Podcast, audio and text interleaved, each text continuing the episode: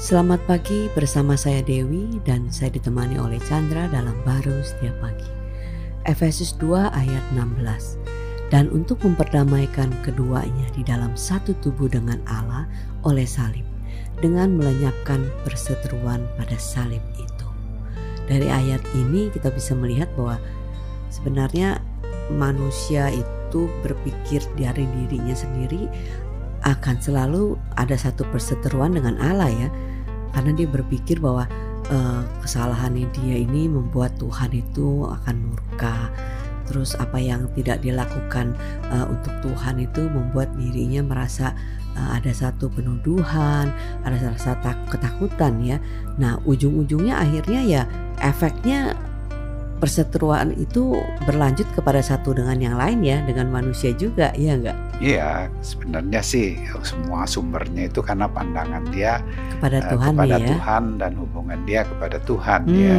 Sebenarnya betul. Tuhan mau aja ya berhubungan dengan manusia ya, dia sangat mengasihi manusia ya kan. Betul. Nah, dia ciptakan manusia itu sebenarnya tidak bisa lepas daripada Tuhan sebagai rupa gambar dia, tapi manusia kita tahu ya awal, awal sejak eh, jatuh di dalam dosa tertipu eh, dia berasa dia bisa sendiri hmm. sehingga pandangan dia kepada Tuhan itu eh, dia yang salah ya terus terhukum tertuntut hmm. nah, tersalahkan padahal yes. Tuhan ingin eh, tetap bersekutu dengan dia tapi dia sudah tidak bisa Betul. Eh, memiliki penerimaan yang seperti itu hmm. maka itu eh persetujuan itu sudah menjadi bagian hidup manusia yang sudah jatuh kan? Hmm, sehingga uh, tidak yang, bisa dilenyapkan kecuali melihat kepada Kristus yang disalib ya? Iya kalau uh, ada cara yang lain ada uh, metode bagaimana mengatasi perseteruan. tentu Tuhan nggak perlu datang melalui Kristus dan yes. dimati di kayu salib sebagai bentuk satu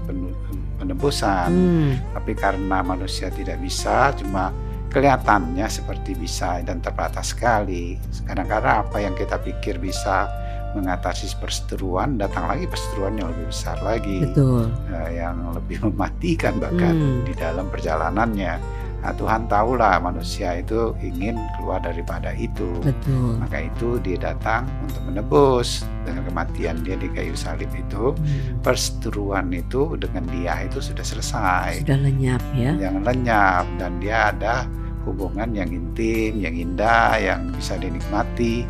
Nah, kalau sudah seperti itu, dia sangat mudah mengalir kepada sesama uh, manusia. Sesamanya. Ya. Kalau tidak ya uh, yang selalu mulai. menuntut, selalu sama seperti yang dia rasakan kepada Allah ya, kepada iya, Tuhan ya.